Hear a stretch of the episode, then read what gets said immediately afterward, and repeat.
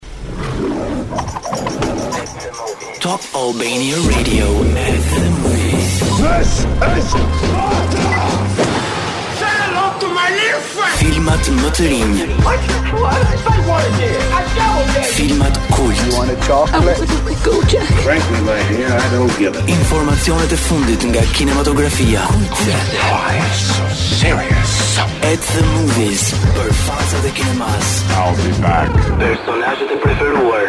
Filmat që bën historinë. My mama always said life was like a box of chocolates. Top Albania Radio at the movies. Po dëgjoni At The Movies edhe këtë të premte në fillim shkurti ju përshëndesim të gjithëve që jeni stacionuar me Top Albania Radion kudo ku jeni në shtëpi në punë ndoshta po udhëtoni diku sepse e premte sot jam bashkë me kolegen time Edean përshëndetje Si të kam kolege, shumë energjike sot. Tepër mirë, tepër mirë. Kur dita është e bukur dhe unë ndihem mirë. Ka një ndryshim tek flokët e tu sot, janë bërë më të shëndritshme, i ke bërë më kanë marrë një ngjyrim tjetër apo është thjesht ajo e jotja. Okej, kemi edhe një tufë me filmdashës përtej me në krye DJ XXL edhe shumë të tjerë që po na ndjekin edhe këtu live bashkë me ju që po na dëgjoni nga valët e radios. Sot do të flasim për shumë premiera, do të jetë do të them një at the movies i gjatë me premiera mm -hmm. sepse janë katër të tilla apo jo. Janë plot katër tërësisht të ndryshme nga njëra tjetra, ndaj nëse doni të kaloni një mbasdite me familjen ose me shoqërinë, Cineplex ofron lloj-lloj zhanrash filmi gjatë kësaj jave. Rikthehemi në program dhe është momenti për t'ju zbuluar tani premierat e fundit në Cineplex janë plot katër të tilla. Mendoj se këto dy fjalë që do të them do t'ju bindin se filmi më i ri nuk duhet humbur është Tom Hanks. Ndjekim tani trailerin. Kur të duket sikur çdo gjë ka marrë fund, shpëtimi mund të vijë nga e papritura. Hey Otto! No. A do të arrijë një burrë i ve? Get out of here të rizbulojë lumturitë e jetës Hello. Tom Hanks Hello What's your name? është O-T-T-O Otto I'm Abby A man called Otto në Cineplex TEG dhe QTU. It was all the clown's fault. Otto është një burrë i vjetër i cili le të themi ka hequr dorë nga të jetuarit dhe të qenurit i lumtur pas vdekjes së bashkëshortes së tij dhe i kalon ditët duke gjykuar dhe ofenduar komshinjtë e tij. Por, si me magji, në këtë periudhë vetmie, një familje e re shpërngulet pranë dhe një grua shtatzënë e quajtur Marisol, e cila po themi ia kthen me të njëjtën monedhë Do krijojë një miqësi me të dhe do t'ia kthejë përmbys botën Otos. Është bazuar në bestsellerin A Man Called Ove, premiera më e re, e cila bashkon një kast fantastik aktorësh ku siç thamë më parë, kryefjala është Tom Hanks, por do të ketë edhe aktorë të tjerë si Mack Bayda, Mariana Trevino, Rachel Keller e të tjerë, me regji të legjendarit Marc Forster, të cilin mund ta njihni për kryevepra si World War Z. Një film që mua më pëlqen shumë me Brad Pitt dhe me zombit, Being James Bond, Finding Neverlands dhe shumë të tjera. Man Called Otto është një dramë komedi e cila mund të ndiqet me gjithë familjen në fakt, ku të qeshura, por edhe mësimet për jetën nuk do të mungojnë, kështu që është perfekte për t'u parë në një ambient familjar, po themi ose me miqtë edhe të dashurit tuaj sigurisht. Por ju thamë dhe pak më përpara që kjo nuk është premiera e vetme të cilën mund ta ndiqni në Cineplexx. Të gjithë Entuziazmohemi kur kukllat tona të preferuara të fëmijërisë ribëhen si filma me njerëz, pra me pak fjalë vijnë në jetë. Ndjekim pak trailerin dhe rikthehemi për ta diskutuar. Kartunsat legjendarë Asterix dhe Obelix vijnë në jetë. A do të arrijnë luftëtarët e pazakontë të shpëtojnë princeshën e Perandorisë Kineze? Rien, rien. Një film për të gjithë familjen. Trouve qu'il y a beaucoup trop de coups de cœur dans cette aventure. Voilà! Asterix and Obelix në Cineplexx TEG dhe QTU. Më vjen shumë për të qeshur sepse herë pas here në fëmijërinë tonë, por edhe tani kur shohim dy personazhe që janë pak a shumë si Asterix dhe Obelix, gjithmonë i krahasojmë me ata. Gjithsesi, filmi flet për Vajzën e vetme të perandorit kinez Han Xuandi, e cila shpëton nga një princ i rreptë dhe kërkon ndihmë nga galët dhe dy luftëtarët trima Asterix dhe Obelix. A do të arrijnë dy personazhet e dashur dhe gazmore, por edhe të patrembur sigurisht të shpëtojnë princeshën e të dalin fitimtarë? Duhet të shikojmë filmin për ta zbuluar këtë. Është një film komedi i përshtatshëm për gjithë familjen. Asterix dhe Obelix The Middle Kingdom bashkon aktorë të njohur si uh, Guillaume Canet, Gilles Lellouche, Vincent Cassel, më falni për këtë theksin tim francez, jo kaq të moderuar, në një aventurë që nuk duhet ta humbisni. Tani do kalojmë tek një nga ato filmat që unë dhe Edi gjithmonë i sugjerojmë, mos të themi gjënmojmë, ku më në fund vetëm shikusi e kupton se çfarë ka qenë duke parë gjatë gjithë filmit. Është një film mister, pak a shumë, sigurisht. Mirë, tani do të ecim me dy premierat e tjera të radhës në Cineplexx. Titullohet Knock at the Cabin apo një mm, trokitje në një kabinë, në një kasolle, nuk e di si mund ta quajmë. Ndjekim pak trailerin e kësaj premiere të re për të kuptuar më tepër, edhe ne do t'ju zbulojmë më shumë. Okej. Uh, bëhet fjalë në fakt për uh, disa pushime familjare. Uh, një vajzë dhe prindërit e saj merren peng nga të panjohur të armatosur, të cilët u kërkojnë të bëjnë një zgjedhje të vështirë. Ata duhet të sakrifikojnë njërin prej tyre në mënyrë që të shmangin apokalipsin dhe fundin e botës siç e njohim. Duket se është pikërisht nga ato filma që ne pëlqejmë shumë me pak apokalips por edhe me pak mister se çfarë ndodh, një film që të mban peng deri në fund të, të minutazhit të tij sigurisht për të kuptuar se çfarë ndodh. Do ta ndjekim dhe pak trailerin. Uh, e kemi trailerin, besoj, uh, akoma nuk e kemi trailerin, me gjitha të, për para se të shkojmë aty, um, duat ju zbuloj gjithashtu që ky film është me regjit uh, M. Night Shyamalan, të cilin e njihni nga trilogjia. Shumë, kur e zbulova se kush ishte regjizori, shumë nga ne mund ta njohim nga filmat si Unbreakable Glass dhe Split, por edhe nga filmat Old ose The Sixth Sense. Ky mister thriller bashkon aktorë si Dave Bautista, Jonathan Groff dhe Ben Aldridge. Çfarë lidhje ka një familje e thjeshtë me fundin e botës? Kjo mbetet për t'u zbuluar, por ta ndjekim pak trailerin. Mhm, mm kemi trailerin. Nëse fati i gjithë botës do të varej prej jush. A do të sakrifikonit familjen tuaj për të parandaluar apokalipsin? My name is Leonard. It's nice to meet you. Nga krijuesi i Unbreakable. Why are you here? Split. Suppose I'm here to make friends with you. The The Sixth Sense. See the four of us have a very important job to do. Knock at the cabin. Në Cineplex Tag dhe QTU. to prevent the apocalypse. Spliti ishte pa dyshim një sukses i padiskutueshëm edhe me një subjekt shumë interesant në fakt që të gjithëve na ka surprizuar. Megjithatë misteri siç e thamë bashkon aktorë si Dave Bautista, Jonathan Groff dhe Ben Aldridge. Dhe mbetet për t'u parë lidhja siç thamë e familjes së thjeshtë dhe me fundin e botës. Kjo ishte premiera e tretë, ndërkohë Kemi mbërritur tani tek uh, premiera e fundit, që nuk është një film, por një koncert. Pas suksesit të Billie Eilish në Cineplexx, uh, dashamirësit e muzikës do të kenë mundësinë të ndjekin një tjetër performancë live, por kësaj radhe të grupit BTS. Ndjekim trailerin. A do të donit të ishit në Busan duke ndjekur koncertin live të grupit legjendar BTS? Cineplexx TEG dhe QTU e bëjnë këtë ëndërr realitet. Përjetoni emocionet e paharrueshme në tingujt e hiteve si Dynamite, Butter dhe Idol. Shumë Vetëm në datat 1, 3 dhe 4 shkurt BTS Yet to Come Siç e dëgjuat dhe nga traileri, vetëm në datat 1, 3 dhe 4 shkurt në Cineplexx TEG dhe QTU, do keni mundësinë të ndiqni koncertin film të BTS Yet to Come. Bashkohuni me RM, Jin, Suga, J-Hope, Jimin, V dhe Jungkook në këtë prerje të veçantë kinematografike të riedituar dhe ripërpunuar për ekranin e madh. Shijoni kënde të reja nga afër dhe një pamje krejtësisht të re të të gjithë koncertit BTS Yet to Come në Busan me këngë hit nga e gjithë karriera e grupit duke përfshirë Dynamite, Butter, Idol dhe performancën e parë të Run BTS nga albumi i fundit i grupit Proof.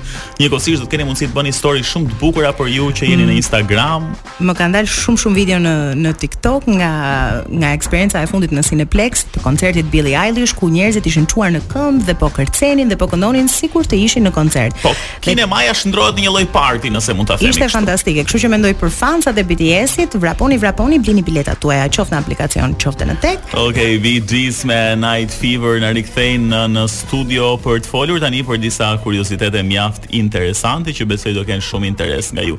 Do të flasim pak për filmat që kanë arkëtuar më shumë para në të gjitha kohërat, por edhe për aktorët më të paguar e disa të tjera nga këto fakte interesante.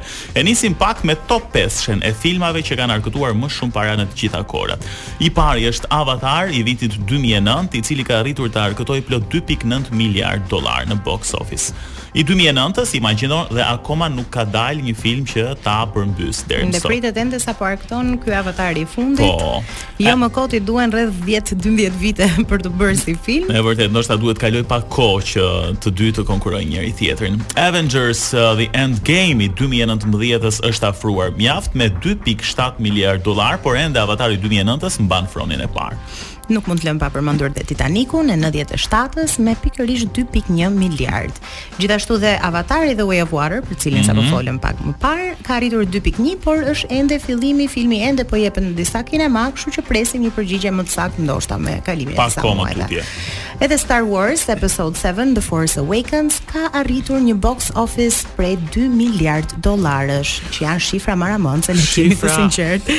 Të çmendura. Ëm, interesant është fakti që regjisori James Cameron ka drejtuar tre nga këto filma. Bëhet fjalë për dy Avatarët dhe uh, Titanikun. Me pak fjalë ai ka arritur të grumbullojë rreth 4, 5, diku tek 8 miliard dollarë me filmat e tij. Jo të gjitha i ka marrë personalisht Edi. Jo, jo, se e bëre një nga njerëzit më të pasur në botë. Jo, jo, po flas filmat e tij kanë arkëtuar po. një shifër të tillë se Cameron besoj është pak më modest në shifrat e pasurisë së tij. Ndërkohë kemi dhe um, një gjë nga Titaniku, po, që është filmi që ka arkëtuar 1 miliard dollar në vetëm 74 ditë, duke e bërë atë filmin që ka fituar më shumë para në një kohë më të shpejtë. Pra për 74 ditë nuk ka arritur t'i bëjë uh, kaq shumë para një film. Bëhet fjalë edhe për vitin uh, 97, që sigurisht uh, po themi uh, ndoshta efektet speciale dhe shumë gjëra mm -hmm. ishin pak më të prapambetura. Po mos flasim vetëm për filmat që kanë arkëtuar më shumë lekë, sepse ka dhe filma të cilët le të themi nuk kanë qenë aq të suksesshëm. Zyzzyx Road është filmi që ka arkëtuar vetëm 30 dollar, duke e bërë atë filmin më të dobët në historinë e box office për sa i përket të ardhurave. Megjithatë, ai ka marrë një çmim si filmi më i keq i bërë ndonjëherë apo filmi më i mërzitshëm. Ky është një lajm shumë i trishtueshëm. I trishtueshëm, e di pse? sepse edhe vetë aktorët apo stafi i filmit nuk e ka parë atë. Pra 30 dollar. që vetëm familjarët.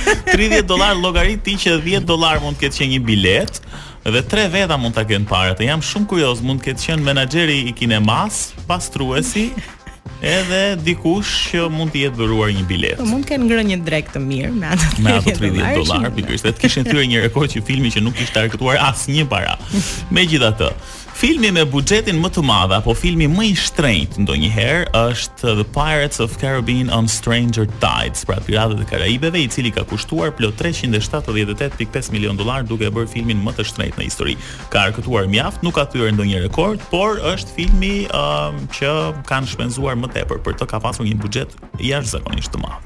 Por fitimprurës janë edhe serialet. Për sa i përket serialeve, ai që ka arkëtuar më shumë para është The Simpsons, si një nga serialet më jetëgjatë në historinë amerikane, 527 milion dollar. Arkëtoi vetëm The Simpsons Movie, pa llogaritur fitimet e serive nga 20th Century Fox. Duke llogaritur që është edhe një nga serialet më të gjata në histori dhe këtu um, bëhet një llogaritje pak më ndryshe për The Simpsons, sepse përveç serive fushatat e marketingut e tjerë e tjerë, domethënë uh, shifra është tejet më e madhe.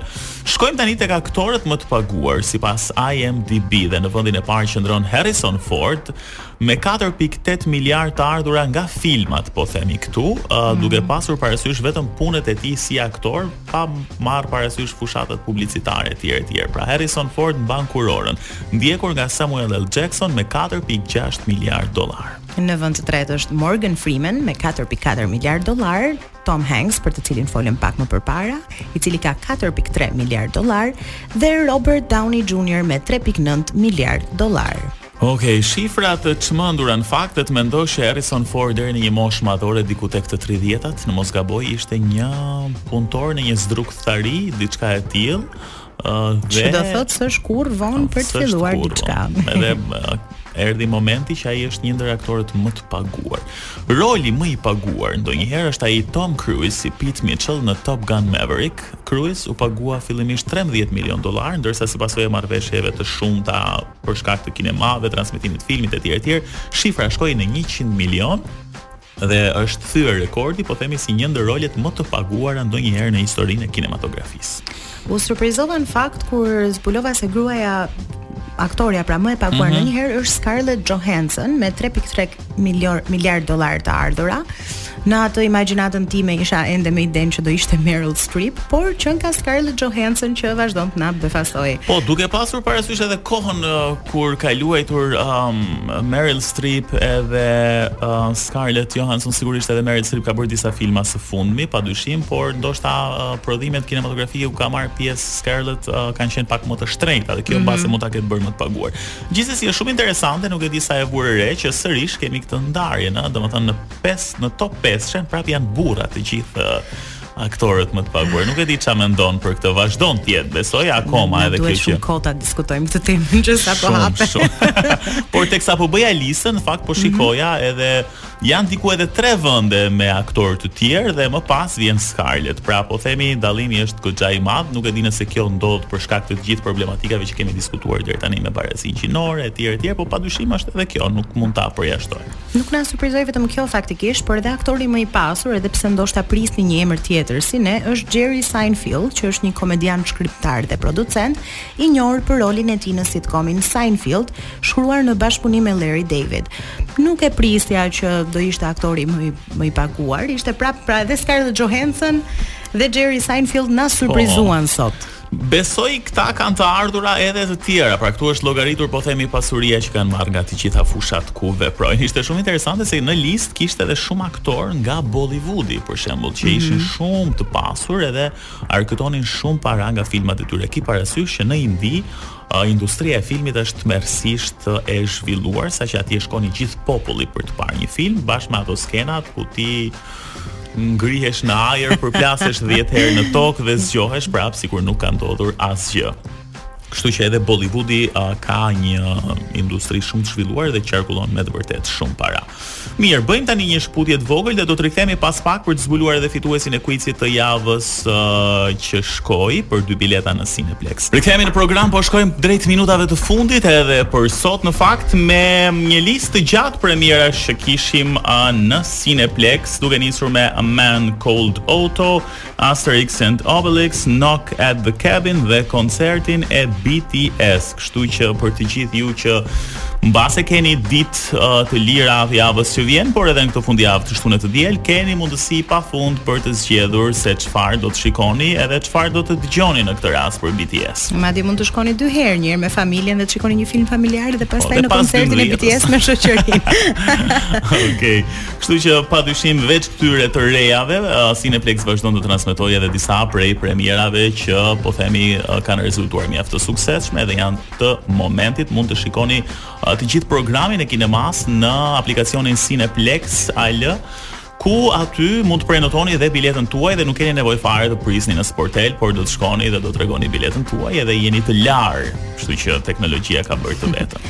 në çdo fund emisioni ne shpallim dhe fituesin e quizit, quizi jonë bëhet në faqen tonë të Instagramit ku ne hedhim një pjesë të shkëputur nga një film ku ju nuk e dëgjoni shprehjen, pra audion, dhe duhet të gjeni se çfarë është thënë në këtë skenë filmi. Mm -hmm. Kësaj radhe ne kishim zgjedhur filmin Gone with the Wind, Dhe meqënëse po flisnim pak më përpara për filmat më, më fitimprurës, ky film ka bërë pikërisht 3.4 miliard dollarë, kështu që hyn dhe ky tek një nga ato filmat që kanë qënë më fitimprurës me një box mm. office më të madhe. Shprehja që është gjetur, është Frankly My Dear I Don't Give a Damn, në qoftë se mund të themi damn në radio. Këtë të vjen të thuash diçka tjetër, por damn është damn. Damn, ok, është e fituar nga Joani Rapo, kështu që mund të afrohesh tek Arena, të tërheqesh biletat e tua dhe hej, ke 4 premiera prej të cilave mund të zgjedhësh për të parë gjatë kësaj jave në Cineplex. Absolutisht që po, miqtë më të mirë të kinemas janë absolutisht edhe fituesit e biletave që dhuron at the movies çdo javë për në Cineplex në këtë mënyrë dhe bashkëveprojmë me njëri tjetrin. Ndërkohë kemi edhe një quiz të ri për këtë javë. Uh, sapo e kemi publikuar në fakt është duke u publikuar kam përshtypjen tani kështu që qëndroni të lidhur me faqen e Top Albania Radios në Instagram sepse do të publikohet tani uh, dhe unë kam zgjedhur filmin e zbulojmë sepse nuk ka ndonjë gjë këtu për të bërë spoiler. Po. Uh, unë kam zgjedhur një pjesë nga filmi Braveheart me Mel Gibson, një ndër performancat e tij më të mira të vitit 95. Uh, në fakt përpara se të nisë një betejë, um, okay, kaq se nuk mbase po spoiloj. Kështu që është një pjesë aty që ai mban një fjalim shumë të bukur edhe ju do të gjeni shprehjen se çfarë ka thënë ai, kështu që do të dëgjoni vetëm lëvizjet e buzëve dhe pastaj do ta kuptoni vetë se për çfarë bëhet fjalë. Përpara se t'ju themi mirupafshim dhe t'ju lëmë të kaloni këtë të premte e bukur dhe mhm. fundjavën mm -hmm. e bukur, Redi sot më tha mua pse je bërë kaq nostalgjike ti me këto kolona zanore të vjetra shqiptare. Oh, në fakt. Nuk e di ç'pata unë sot, po jam e sigurt që këndoi kështu në korridoret e radios. jam e sigurt që të gjithë juve po ju ngrohet pak zemra, kështu që dua t'ju përshëndes dhe t'ju lë të shkoni me Shtëpia jonë nga Vaçe Zela. Mirë u dëgjofshim e kalofshim.